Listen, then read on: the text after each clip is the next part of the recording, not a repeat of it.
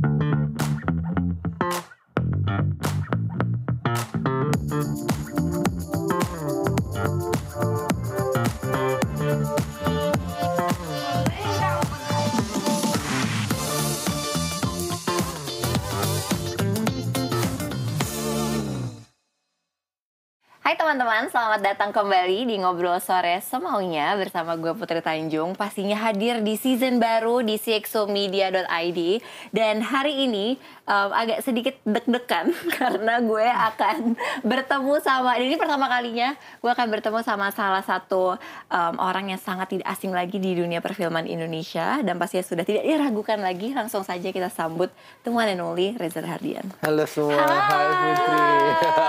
Hai Mas. Halo Putri, apa kabar? I'm good, thank you. Apa kabar Mas Reza? Good. Ya, Mas Reza sangat intimidating ya. Masa sih? Iya.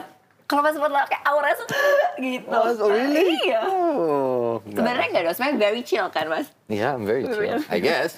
I hope so. mas, gimana tahun 2022-nya? 2022 dimulai dengan baik, alhamdulillah. Alhamdulillah. Um, karena 2022 ini kan kita melewati tahun kedua ya, kurang yeah. lebih di dua tahun pandemi lah. Tapi industrinya cukup berkembang baik, um, para pekerja film sudah mulai bisa kembali aktif dan artinya saya juga bisa kembali produktif. Um, saya bisa bilang sih tahun 2022 it's a good start. And so much opportunity ya? There's a lot of opportunities. Karena ya OTT platform berkembang, yes. bioskop kembali dibuka, kapasitinya boleh lebih banyak lagi. Yeah. Artinya kan lebih banyak orang lagi di industri yang bisa berkarya gitu. Betul. OTT juga memberikan kesempatan untuk ada series, yes. ada film. Itu kan kesempatan kerja ya buat banyak orang. Selama pandemi ini apa Mas yang kayak lesson learn yang paling diingat? Lesson learn uh, banyak banget ya. Um, yang paling berharga mungkin salah satunya buat saya pribadi adalah belajar untuk uh, lebih bijak dalam mengambil keputusan. Yep. Belajar lebih sabar. Yep. Belajar lebih uh, bisa menerima segala situasi yang mungkin nggak sesuai dengan kehendak kita sendiri. Betul. Gitu. I contemplate quite a lot yep. selama pandemi ini. Yep. Lebih relax Yeah. belajar untuk bisa lebih rileks dan santai gitu. Itu sih yang paling banyak ya. Yeah. jadi lebih ke whole being aja. As yeah. a human being tuh banyak banyak belajar banyak di uh, pandemi ya salah satunya yang tadi saya jelaskan sebenarnya sih. Dan aku juga di sama pandemi ini belajar bahwa kita emang nggak bisa mengkontrol semua situasi no, sih mas we cannot. Dan itu agak berat sih berat. buat aku waktu awal-awal yeah. and it cost me a lot of stress karena yeah. biasanya kayak oke okay, besok gue harus kayak gini gini gini yeah. gini dan kayak tahun depan yeah. gue harus kayak gini dan suddenly bisa, change gitu ya karena kita sebagai manusia punya kecenderungan untuk bisa mengkontrol semua kan. sebanyak banyaknya hal yang bisa kita kontrol kan lebih baik dong betul, rasanya buat betul. diri sendiri gitu but in fact you just can't yeah. and you don't have to Exactly. You don't have to control Tapi itu butuh everything. proses untuk It akhirnya kita bisa sampai di I mean, situ. I'm very kan? surprised you, you're going through that di usia yang sangat muda dan bisa uh, compromising with the whole situation juga nggak gampang loh yeah. di usia putri apalagi ya ini usia yang bergejolak usia yeah. yang you know sangat fluktuatif iya. dinamikanya yeah. banyak gitu it's it's not easy juga and I think mungkin um, di buat teman-teman di generasinya putri gitu ya di Gen Z dan lain-lain yes. I think the pressure is high yeah the social constructnya udah membuat pressure-nya berat gitu. Yeah. So mudah-mudahan teman-teman di luar sana yang nonton bisa reflecting bahwa first it's okay to be different. Yes. It's okay if you cannot control everything. Yeah. It's okay untuk punya tantangan dan masalah dalam hidup. Yeah. It's fine. It's yeah. it's your age. You you're berkembang gitu manusia berkembang jadi it's it's fine. Don't don't overstress yourself. Yeah. You know? Dan di masa pandemi ini aku juga melihat Mas Reza juga sadar nggak sih bahwa banyak banget anak-anak muda yang sekarang sudah mulai ngomongin soal mental health, how important mental health is. Banyak banget dan isu itu paling berkembang mungkin di generasi sekarang. Iya, benar. Gen Z. Maksudnya di generasiku bully, iya. mental health issue itu iya. istilahnya belum populer. Iya. Di saat iya. aku remaja iya. apalagi iya. gitu. Iya. Ya dibully dibully aja. Dikata-katain dikata-katain. bercanda-bercandaannya ngata-ngatain bapaknya nama keluarga. Apa kan gitu, zaman lalu tapi kan mungkin gara-gara itu then your generation is stronger than us.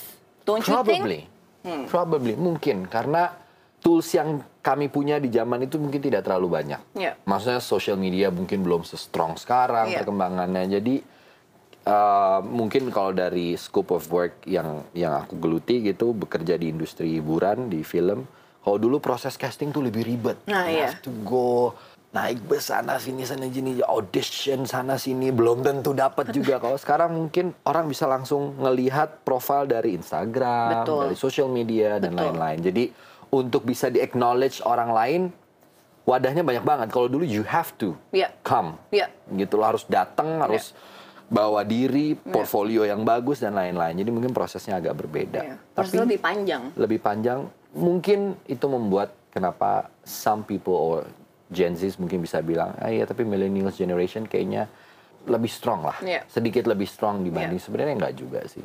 Okay. Tapi mungkin kalau, karena tantangannya yeah. beda. Pasti beda, setiap generasi kan punya Pasti tantangan beda. yang berbeda. Yeah. Nah kalau Mas Reza gimana caranya untuk menjaga um, kesehatan mental Mas Reza? Of course masa di masa-masa pandemi seperti ini, ya kan dengan sangat banyak perubahan, ekspektasi dan segala macamnya um, ada satu hal yang mungkin terdengar sangat amat klise, hmm. tapi aku juga nggak bisa membuat penjelasan ini menjadi terlalu gimana gimana karena that's that's the thing that I do, yeah. gitu ya, that I did, um, terutama di pandemi. Satu, kita butuh develop our love feelings, mm-hmm. karena cinta itu foundation yang paling kuat menurutku. Okay. Membangun sebuah komunikasi dengan orang tua yang lebih intens. Yeah menemukan cinta kita kembali di dalam skup keluarga, yeah. persahabatan, teman-teman, yeah. itu menurutku yang affect you the most. Okay. Menghadapi segala macam bentuk tantangan yang tadi disampaikan gitu. Yeah. Foundation utamanya tuh cinta, okay. kasih. Yeah. Nah itu yang yang mungkin sangat klise, sangat terdengar ah apaan sih cinta sih, tapi buat aku uh, it keeps important. me grounded. Yeah.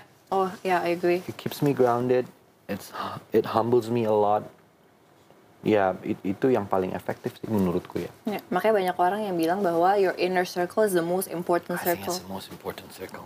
Iya, benar sih. It not necessarily define who you are. Iya. Tapi it will affect you. Agree. Makanya harus berhati-hati kan kadang-kadang orang selalu bilang yeah. kayak hey, you have to keep your oh, inner kita circle bisa very lah, teman pilih-pilih gini. Enggak penting yeah. juga memilih-milih karena itu yeah. kan bentuk sortir kita. Betul. Gitu. Betul. Berteman dengan siapa aja fine, Betul. tapi your inner circle ya yeah, you have to be selective juga. But how small is your inner circle, Mas? It's quite small. Okay. It's quite small. And kalau ngomongin the family gitu, because I grew up uh, with a single mom, it's just three of us ya, me, um, uh, my mom, my little brother, and me. Okay. Hanya kami bertiga memang. Yeah. Di tambah sepupu-sepupu yang deket banget. Yeah. Of course it's a huge number. Tapi kalau persahabatan teman-teman kecil sih. Kecil, Dan ya? udah berbelas-belas tahun iya. orangnya ya seputaran itu itu aja. Tapi tentu membuka diri untuk berteman, berteman dengan, siapa pun, siapa pun. Setuju. Nah, itu aku rasain juga sih mas. Semakin dewasa ya, semakin hmm. bertambah umur, ternyata semakin dikit ya. Makin dikit ya. Eh, makin dikit Seleksi temannya. alamnya bener, berjalan. Bener, bener, kayak, oh ini apa gue yang emang gak punya temen tiba-tiba cuma dikit banget. Dan kamu akan semakin melihat, oh ini iya, yang beneran. Iya benar, betul. Teman, mana yang mungkin bukan gitu ya. Mana yang taking advantage atau apa ya mungkin itu akan dihadapi iya. gitu.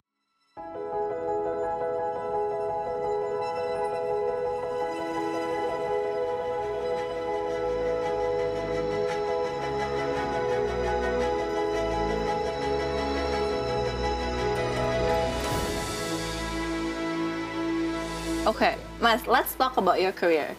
I think we have something in common. Adalah kita anak teater. Oh, Oke. Okay. Jadi aku tuh waktu kecil itu dimasukin sama bapakku di teater. Ah, oke. Okay. Dan I actually I Enjoy. quite love it. Oh, oke. Okay. Tapi abis itu aku nggak, ya Terus itu sih. cuma buat seru-seru aja. Waktu itu kan berarti Mas Reza mulai acting udah dari kecil karena udah masuk ke Sekolah apa teater. teater. Hmm, Nah, Itu gimana ceritanya, Mas? Pengalaman pertama teater tuh sebenarnya ya nggak remaja lah Remaja, ya, nggak ya. kecil ya. Remaja umur 16 16 tahun. 16 tahun, oke. 16 tahun tuh pertama kali ikut pertunjukan teater. Oke. Uh, skupnya masih skup sekolah. Oke. gitu. Terus em, begitu masuk umur 18 karena gagal menjadi atlet renang maka Iya. kembalilah ke jalur kayaknya teater yang bisa kita pursue ke depan gitu ya. Jadi aku mulai ikut audition ini, audition itu sampai dapet gitu. Um, satu peran di tahun 2005. Uh, change my life. You know, the whole things is changing gitu. Because I really really I do love acting okay. so much. What aku about cinta it? banget. What about it, Mas? Nggak semua orang bisa punya kesempatan uh, berkarya di sebuah bidang yang tugasnya adalah menghidupkan karakter yang bukan hanya tentang dirinya. Iya. Ini kalau pekerjaan yang aneh, Put. Iya benar. You got paid for being someone else. yes. It's, itu kan aneh sebenarnya kalau kita pikir-pikir kerjaan macam apa itu gitu. Tapi that's the beauty. Iya. You get the chance to untuk benar-benar punya kesempatan memotret karakter orang lain, memotret kehidupan, menjadi refleksi dari realitas yang terjadi di sekeliling kita. Itu menurut aku pekerjaan yang sangat menyenangkan dan uh, aku sangat hormati sekali Iya. pekerjaan itu. And I love uh, my job so much gitu dan merasa cukup grateful beruntung karena tidak semua orang pada kenyataannya bekerja pada sebuah bidang yang betul-betul mereka cintai. Agree. Mas, how about the industry? Tadi Mas Reza sebenarnya udah ngomongin dikit nih. Hmm. Perbedaannya industri film dulu dan sekarang, what's the biggest change or different? Uh, satu ya pasti platform medium tayangnya Iya. mengalami perubahan yang Iya. signifikan gitu ya. Kemudian um, jenis filmnya, kekayaan akan tema, Iya. uh, Lebih beragam ya, Mas, lebih sekarang? beragam sekarang, lebih sangat lebih beragam. Kemudian tumbuhnya sutradara-sutradara muda yang sangat amat berbakat, Iya. keberanian sutradara-sutradara muda dan produser-produser untuk membuat cerita yang mungkin dianggap dulu ah ini sih nggak komersil, wah ini sih nggak menjual, wah ini sih nggak begini nggak begitu, tapi tiba-tiba bikin, Iya. gitu. dan merubah map dari seluruh ekosistem perfilman. Oke.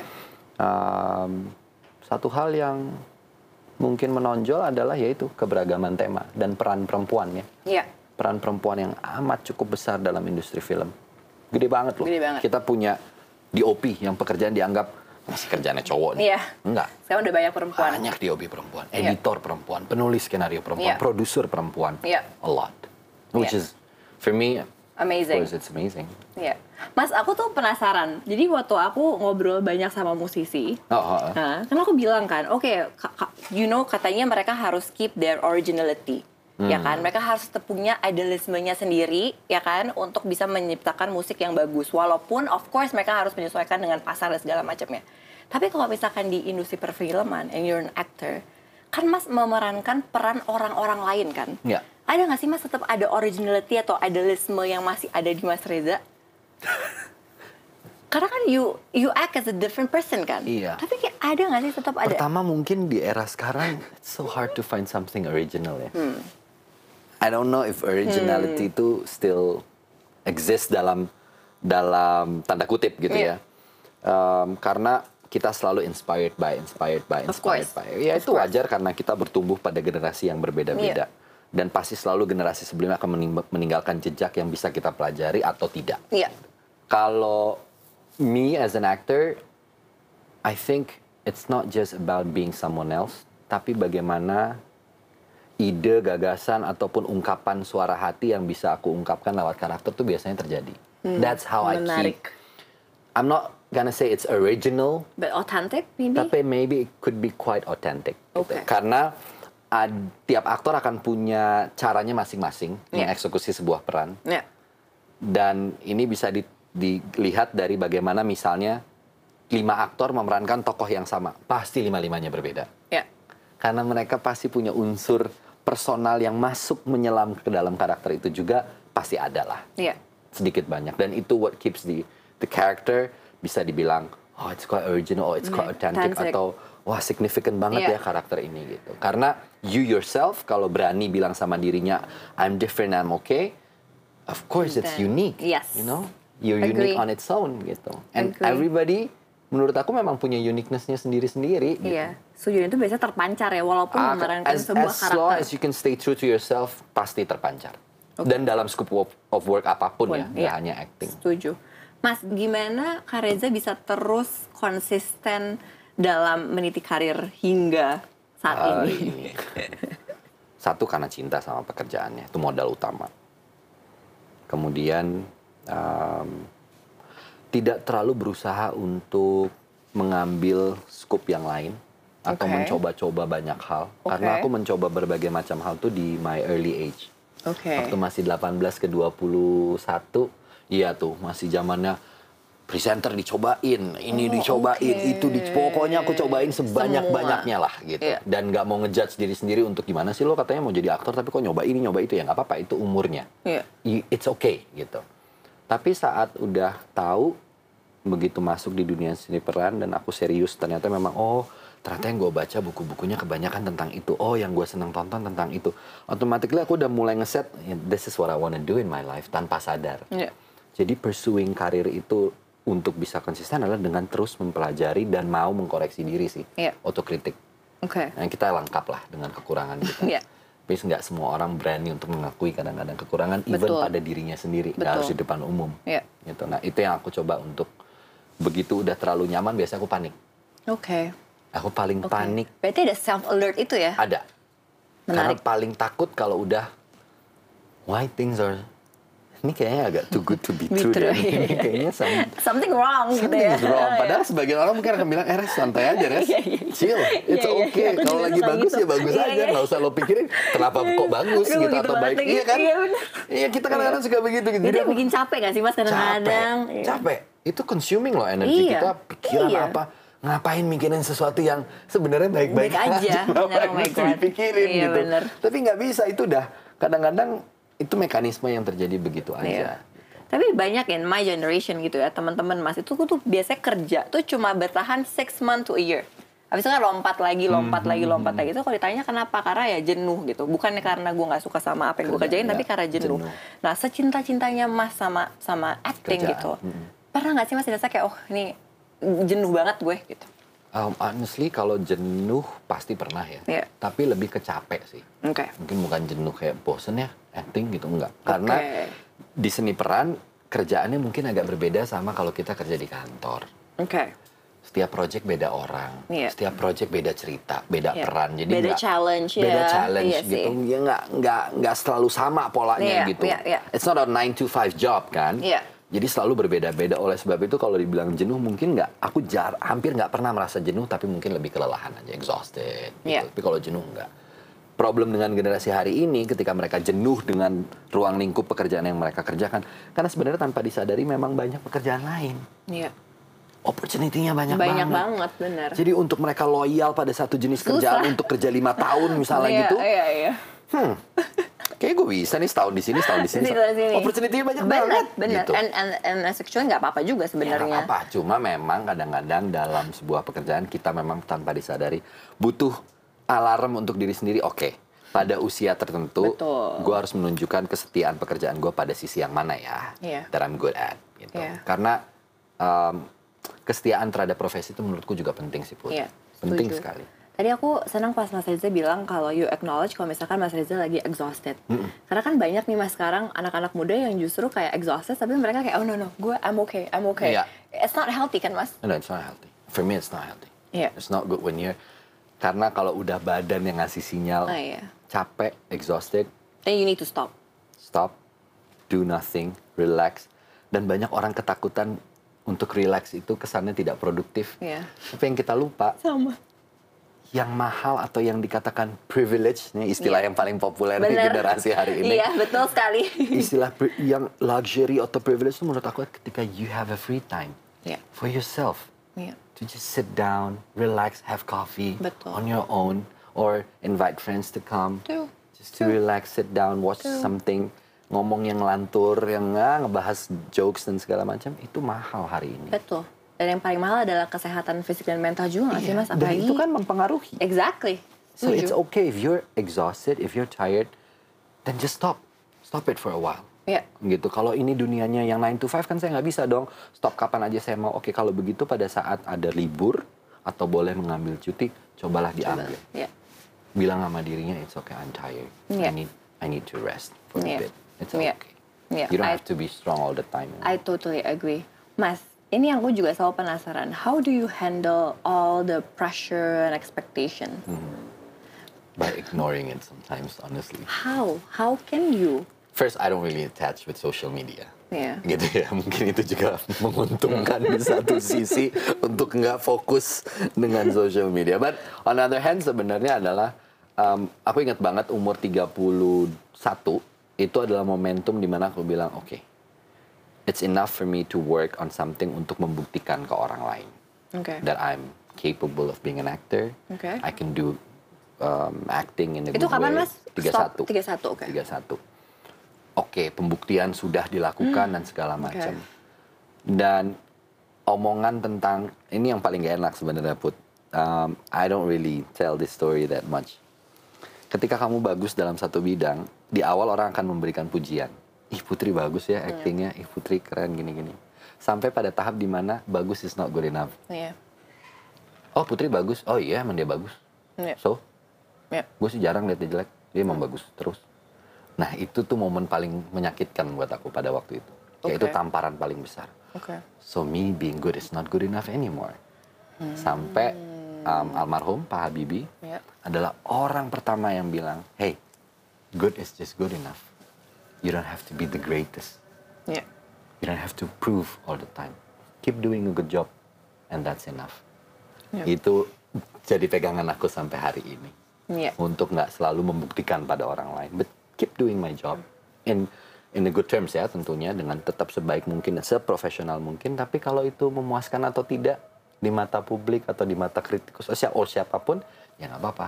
Iya. I'll take that. You can criticize me all the time. You can ya nggak suka nonton filmnya nggak apa-apa. Yang suka terima kasih. Kasih, ya iya. udah gitu aja. Apalagi industri film ya kita nggak bisa maksa siapa pun. Betul. Orang harus suka sama film ini. Iya. Ya nggak bisa lah Iya, iya. itu kan selera masing-masing Betul, orang betul. Kita nggak bisa paksa gitu Betul, jadi betul. when they appreciate mereka mau menonton meluangkan waktunya wah itu udah terima, Terima kasih yang luar biasa gitu Iya. when kalau ada komentar ah gue nggak mau filmnya dia yang main ya nggak apa-apa juga oh gimana aku nggak bisa maksa gitu Iya. so untuk bisa ke situ adalah Nah. acceptance Oke. pada situasinya itu yang paling menurut aku paling penting kita untuk punya adalah sense of acceptance yang tinggi sih dalam hidup. Bukan untuk menerima keadaan dan pasrah. Aku nggak suka kata pasrah soalnya sebelum berusaha sampai titik Betul, darah betul, penghabisan betul, betul, baru betul, aku bisa betul. bilang sama Betul, diriku, betul, betul. ya oke res, lo boleh pasrah sekarang karena you've done it. Iya. Now you can just leave it to God misalnya. Tapi Iya. before you give your best shot, I think aku agak resistensi untuk pasrah gitu Oke, sama Tapi keadaan. it was not an easy process kan mas untuk bisa bisa. Definitely not. Definitely, there's a lot of tears. Iya. there's a lot of drama. Um, ya, um, I think the the hardest I think the hardest part for ini my personal experience Mhm. adalah bisa berdamai sama diri sendiri sih. Yang tadi Mas Reza bilang kan Iya. kayak mencintai all the good things tapi Iya. mencintai all the bad things yang kita punya Iya, juga. Iya, iya, karena ada beberapa hal yang mungkin aku nggak setuju kalau ada orang bilang, enggak lagi lo kalau begini lo bisa ngerubah itu. Yeah, it's not that easy, man. You cannot just change someone like that. Iya. Karena proses yang dia lalui, lo belum tentu lalui. Iya. You can see this person, wah dia enak hidupnya Iya. gini-gini. Iya. No, you don't know. You don't know Iya. apa yang dia lewati Betul. di hidupnya. Betul. And who are we to judge that? Iya. We're nobody. Exactly. Iya. How could you judge someone? Gak bisa dong gitu. Iya. You don't feel hi- her or his shoes. Yeah. You don't walk on their shoes. You Yeah. don't know. Iya. Gitu. Jadi gimana nggak bisa? Iya. We cannot just change someone's mindset. Yeah. It's not that easy. I totally agree. So you need to, I think, um, you walk the talk. Yeah. Bener. You walk the talk. Bener banget. If you say that, have you prove it to yourself? Yeah. Have you done it? Yeah. Or you just good at, you Iya. know, talking nicely and ngasih semua motivasi motivasi Yes. without you acknowledging that you can do it for yourself. Betul. That's a different case. And what I learned is I think semua orang tuh punya privilege-nya masing-masing, Mas. Punya, Iya. punya, pasti punya. Iya. Iya. And everyone has their own timeline and everything kan. Banyak. Iya. Gitu kayak misalnya, buat aku ngerasa one of my privilege adalah ketika aku bisa bilang sama manajerku misalnya, hey, I need a break, Iya. one week. Iya. or two weeks. Itu buat aku udah privilege yang luar biasa. Agree. While other people might think privilege is when you can have this car, this type of Yeah. house, and all these material things, and it's okay. Iya. Karena itu kan kasih kesenangan buat orang bebas dong. Iya. Yang mereka suka adalah bags misalnya. Iya. Mengkoleksi tas-tas Iya. mahal. Iya. Ya udah, it's their own pleasure. Why are you so bothered by that? kenapa sih harus kita ngerepot gitu loh? Iya bener. Iya dong. Bener, Orang bener senangnya banget. koleksi jam tangan mahal. I don't like that. I never wear watch. Iya. Karena emang aku nggak suka. Betul betul. Bukan apa-apa emang nggak- I don't enjoy Wearing watch. Wearing watch. Iya. That's it. Iya. There's no other. Oh karena aku mau misalnya I wanna look minimalist. I wanna do this kind of frugal living. Or it's not just that. Iya. Gitu. It's just I don't. Kayak social media, it's Oh simply because. I don't enjoy it Iya iya iya iya. yet. Iya. Tapi mungkin Nggak, iya nggak pernah tahu. tiba-tiba habis ketemu Putri, habis ngobrol, kak kayaknya kamu harus punya nih. Oh iya, iya, kayaknya oke juga nih punya. Bisa aja dong. Iya benar benar benar Gitu. benar benar benar. Iya menarik sih. Tapi kadang-kadang aku kalau misalkan lihat social media gitu ya kak, and all the you know the hate comments and everything ya, Hmm. kan kadang-kadang suka kok orang tuh bisa jahat-jahat banget ya. Dan kayak iya sekarang, nggak sih. sekarang oh my god, I mean I talk to my manager. Nggak dia sih? biasanya suka ngasih kan gitu. Iya. Misalnya berita siapa gitu, dia lagi ngasih lagi yang lagi trending gitu. Iya. Gila, komennya kayak Gila gitu banget. deh. Iya kak, kayak gitu kak. Ah serem banget ya orang-orang bisa Iya. ngomong kayak gitu. Iya benar. Ya karena jempolnya lebih powerful daripada Dan- lidah kayaknya. Dan, dan kadang-kadang kan nggak ngerti konteks ya kan? Nggak ngerti konteks. Iya. It's crazy Iya, nowadays. karena ya ya itulah ya kadang-kadang ada efek lain dari hmm, kemampuan orang ketika tidak harus menunjukkan dirinya dan bisa bersembunyi di balik akun yang misalnya anonymous Iya. atau creating a new profile Yes. gitu. Eh, you just type, Iya, tuh. you're ugly, you're this, Iya. you're that. It's easy. Yeah, it's easy. Without thinking apa yang mereka hadapi kan Hmm. Iya. sebenarnya.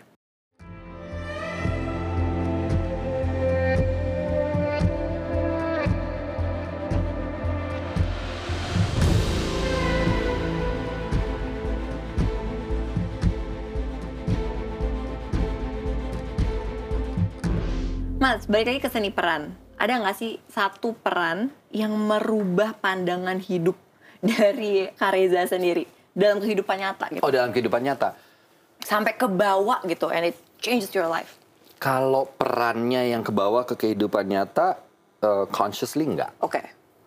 tapi subconsciously mungkin kayak aku nggak bisa bohong ya peran berperan sebagai almarhum Pak Habibie it changed the whole Oke. dan bukan merubah kayak kebawa karakter yang enggak tapi nilai-nilainya Iya. nilai-nilai hidup beliau Iya. um, banyak kesederhanaan Iya. um, kemudian kegigihan banyak sih aku belajar dari karakter tuh banyak banget dan karakter-karakter lain Lain, juga tapi itu salah satu yang mungkin aku bisa bilang lumayan signifikan merubah banyak sih itu sih Oke. Ngomongin nilai-nilai Kareza, apa value yang Kareza selalu pegang dari dulu sampai sekarang? That I can say to myself enough is is good enough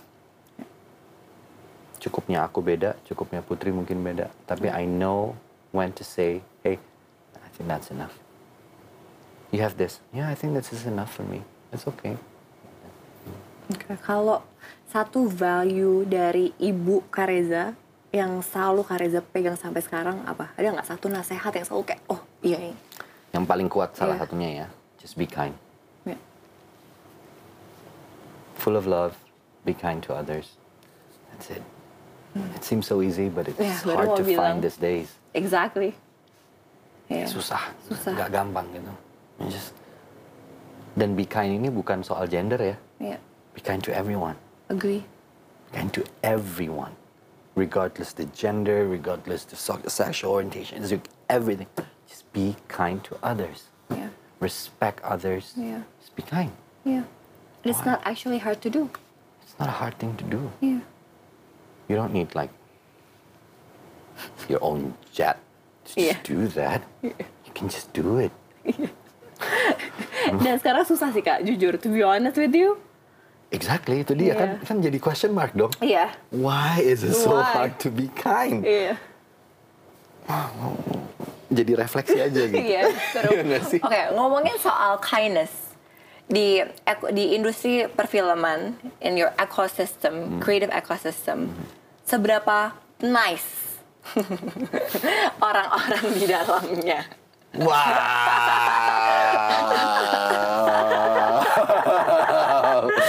Seberapa nice? Iya. Is the is is the This is a very tricky question. is the industry healthy? Da- Kalau nice sangat relatif, Bud. Oke. Sometimes you meet the nice people, Yeah. sometimes enggak. yeah. gitu ya. Karena aku itu based on my own experience. Sometimes aku ketemu yang memang nice, professional, kind enough gitu ya, and honest, tapi ada juga yang enggak. Yeah. Dan ini berlaku untuk semua industri rasanya. I agree. Tapi kalau is the in the whole Ooh, industry yeah. is healthy, hmm, getting there? I think it's getting it's getting there. It's not yet there, belum okay. belum sampai ke kalau kita mau ngomong oh industrinya sudah sehat secara ekonominya yeah. secara apanya masih yeah. banyak yeah. ini bukan person to person ya yeah, yeah, yeah, tapi yeah. the whole um, it's getting there tapi berjalannya masih pelan banget Oke, okay, berarti masih pelan banget lagi. berarti menurut Kareza industri perfilman yang sehat atau yang ideal itu seperti apa? Pertama proteksi tuh pekerjaannya sudah okay. terlindungi. Yeah dan ini bukan regulasi yang dibikin oleh kita sendiri orang film yeah. aja. Yeah. Kita boleh merekomendasikan, tapi ini harusnya cepat dieksekusi oleh pemerintah. Oke. Okay. Itu proteksi. Oke. Okay.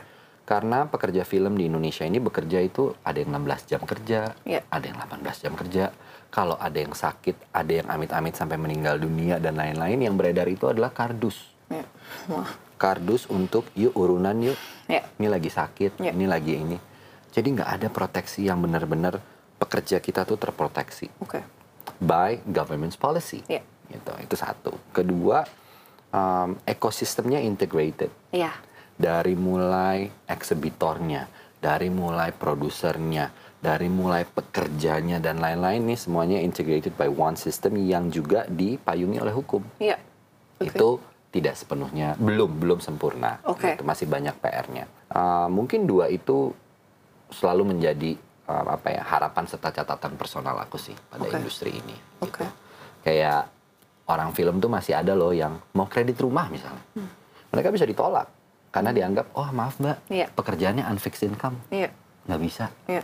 Atau kontrak kerjanya mana? Sementara kontrak kerja orang film itu kan by by projects. Yeah. True. Hari ini lagi dikontrak untuk produksi ini selama satu bulan, ya kontrak kita habis itu angus selesai. Yeah. Maksudnya yeah. ya masa kontraknya sudah sudah selesai karena yeah. untuk untuk kerja. Jadi abis itu mereka jadi kesulitan. Ya. Gitu. Itu juga banyak dirasakan oleh banyak teman-teman. Makanya aku belajar banyak dari pengalaman para senior yang kita tahu kadang-kadang, oh di masa tua justru kehidupannya jadi malah nggak terjamin dan hmm. lain-lain. Faktornya memang banyak. Ya. Lifestyle apa tentu mempengaruhi. Ya. So learn from that. Aku jadi harus ngerasa, oh iya ya memang. Mama aku tuh selalu bilang gini, ingat ya, matahari nggak akan selalu bersinar buat kamu. Ya. Hari ini kamu bisa mungkin produktif, belum tentu tahun depan kamu produktif. Jadi yeah. selalu bersiap akan kemungkinan terburuk yang bisa terjadi. Yeah. Jangan sampai Setuju. kamu jadi panik. Uh, mungkin hari ini kamu dikenal publik, mungkin 10 tahun lagi udah nggak ada yang tahu iya. siapa yeah. tuh Reza Rahadian gitu. legacy yang mau kamu, berputar, iya, roda kan? akan selalu iya. berputar. Jadi yeah. legacy apa yang mau kamu tinggalin? Yeah. Bapakku selalu ngomong gitu juga ke aku. Oh iya. Iya. Oh. So you need to prepare. Eh, you need. Iya. Dan orang sebagian akan pikir, tenang aja kali nggak usah prepare prepare amat gitu kenapa harus jadi beban bener, santai bener, aja bener. iya maunya juga bisa santai Bentai, tapi iya. kan memprepare segala kemungkinan itu bukan berarti kita nggak santai berarti kita self aware dan alert aja ya. gitu. tapi kalau untuk opportunity-nya di industri perfilman gimana Kak Reza? Oke. Okay. Opportunity-nya besar karena gini hmm. selama ini kan yang misalnya orang tua tahu gitu ya tentang anaknya yang misalnya bercita-cita mau kerja di film selalu langsung wah kamu tuh nggak usah kerja di film yeah. mau iya. jadi apa di film yeah. gini yeah. sementara kita juga punya banyak bukti bahwa mereka mereka yang bekerja di film juga banyak yang sukses yeah. entah sebagai produser mm-hmm. um, entah sebagai penulis dan lain-lain jadi artinya scope of work di industri film itu nggak aneh ketika film tuh disebut sebagai um, masuk dalam tujuh ilmu pengetahuan dunia yeah. gitu. um, satu dari tujuh ilmu pengetahuan karena di dalam film semuanya hampir ada put yeah kamu belajar literasi, kamu bisa ada di film. Kamu belajar teknologi, kamu bisa ada di film. Belajar musik bisa ada di film True. sebagai scores dan lain-lain. Jadi medium lapangan pekerja di dunia film tuh job luas, desk, luas banget. Ya. Terserah kamu sukanya yang mana. Ya. Oh aku lebih suka di belakang layar, aku suka musik, aku suka uh, main piano dan lain-lain. You can be a music score. Ya. Bisa ya. ngisi musik. Ya. Sukanya bahasa, ya. sejarah ya. dan kamu bisa nulis. Ya bisa jadi publicist dan lain-lain. Jadi banyak. Ya, opportunity besar Opportunity-nya ya. besar. Menurut Mas Reza kan Mas Reza udah bilang nih kayak oke okay, yang idealnya industri perfilman seperti apa? Butuh berapa lama Indonesia menurut Kak Reza bisa mencapai um, ideal itu? kalau kita semuanya mau berkolaborasi bareng-bareng. Oh, kalau mau berkolaborasi Cepat sih, dong. you know, within a year, get that. Kalau kita berkolaborasi Iya, bersama I think ya, that's the gitu. key gak sih, Mas? Iya. Gini-gini, kita tuh kadang-kadang terlalu banyak fokus ke banyak hal. Iya. Nah, Oh, iya. aku tuh orang yang seneng mendingan fokus ke satu dua poin. Iya. Selesai, kita fokus lagi yang lain. Iya. Selesai, kita fokus lagi yang Iya. lain gitu. And that's how I run FFI ya. And that's how I, I do it. Yes. Jadi fokus dulu, oh FFI punya problem di infrastrukturnya. Oke, kita benahin dulu Beresin, infrastrukturnya. Oke, polisinya. Oke, kita benahin polisinya. Habis itu Iya. kita butuh ini ini. Jadi nggak langsung ditumpuk cita akhirnya semua jadi wacana. Betul. Eh, Wah, aku setuju banget. ini, Iya, iya. pingin wah yang ideal Bener, tuh bener, gini, bener, gini. bener, bener. Semuanya jadi wacana. Iya. Yang kayak eksekusi kebanyakan. kebanyakan dari 10 ide yang kayak eksekusi satu. Belum tentu sempurna pula. Iya. Gitu. Kalau untuk Kareza pribadi, what's next for you? To live, to work, and that's it. aku tuh orang yang jarang punya um, plan panjang dalam hidup. Oke. Gitu, Karena aku senangnya tuh program uh, masa kehidupan tuh um, dilihat dari jangka jangka waktu yang pendek kecuali soal finansial dan Iya. lain-lain itu lain hal lah. Tapi soal karir gitu, day by day, setiap kali berkesempatan bekerja, bertemu orang, aku selalu berusaha untuk bisa belajar mensyukuri itu aja dulu Oke. dan bangun relationship yang baik. Itu aku setuju. Yes. Bangun aja dulu. Dari satu orang kamu bangun relationship yang baik, ketemu orang berikutnya. Dari orang yang ini kamu akan mungkin kenal orang ini, orang ini, orang ini. Ya. Jadi building a good relationship with everyone as much as you can do Ya. without faking it, Ya, oh, totally agree. ya tetap harus ada itu tuh menurut aku. Iya. Without faking it, Karena capek important. juga gak sih, Mas? Uh, capek Capek banget. banget ya, aku juga merasakan.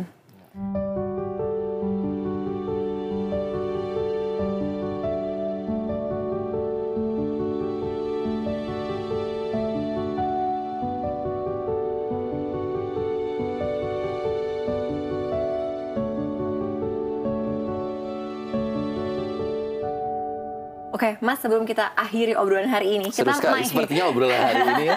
kita main Deep game. talk nih jadinya. Deep talk ya. Kita main game dulu, Mas. Oke. Namanya jawab semaunya. Ya. Jadi aku nanti akan bacain uh, kalimat, nanti Ah, Mas Reza lanjutin aku nggak boleh ngeliat situ boleh ya? lihat dong. Oke. Lanjutin ya. Ya. Ketika bangun pagi, hal apa yang langsung gue pikirkan? Gosok gigi. Waktu kecil hal yang paling memalukan atau unik yang pernah gue lakukan adalah ada nggak kayak waktu masa kecil hal-hal memalukan? Banyak tapi apa ya salah satunya? Eh, eh, eh, em, BAB di celana. Oke. Masa kecil. di kelas lagi. Itu umur berapa banget gak mas? Ah, SD kali ya. Oh my god, malu banget ya sih Waduh, masih. malu Iya, banget. iya, iya, kayak Waduh, malu banget. Oke. Orang nggak banyak yang tahu kalau gue itu orangnya. Eh, humoris. Oke. Gue paling bete kalau menghadapi situasi seperti. Hmm, oh, menghadapi orang sok tahu. Oke. Teman-teman gue bilang kalau gue adalah orang yang Isengnya luar biasa. gue merasa hidup pada saat Bersama orang-orang terdekat. nasihat terbaik yang pernah orang berikan ke aku, My mom. Be kind. be kind. Menurut gue, kebahagiaan adalah When you can stay true to yourself and when you can say no to some point. Ya, agree. Last question. Kalau misalkan kan video ini akan ada di sexomedia.id forever, right? Ya. Misalkan lima tahun lagi, Kak Reza iseng pingin nonton deh ngobrol sore semaunya. Apa yang Kak Reza sekarang ingin sampaikan ke Kak Reza di lima tahun ke depan? Ceritanya Kak Reza lima tahun ke depan lagi nonton. Oke. Mau bilang bahwa Reza coba untuk bisa lebih um, tenang dalam menghadapi segala sesuatu. Don't rush. Um, lebih bisa juga bilang ke diri sendiri bahwa it's okay to just love yourself at some point. Itu mungkin. Oke, Kak Reza, thank you so much. Thank terima you for kasih having me, banyak. Putri. Thank Seru you so much, seru sekali. Thank you so much. Teman-teman, terima kasih yang udah Thank you nonton. semua. Eh, jangan lupa untuk terus nonton Ngobrol Sore semuanya. Pastinya hanya di sexomedia.id setiap hari Kamis jam 6 sore. Bye-bye.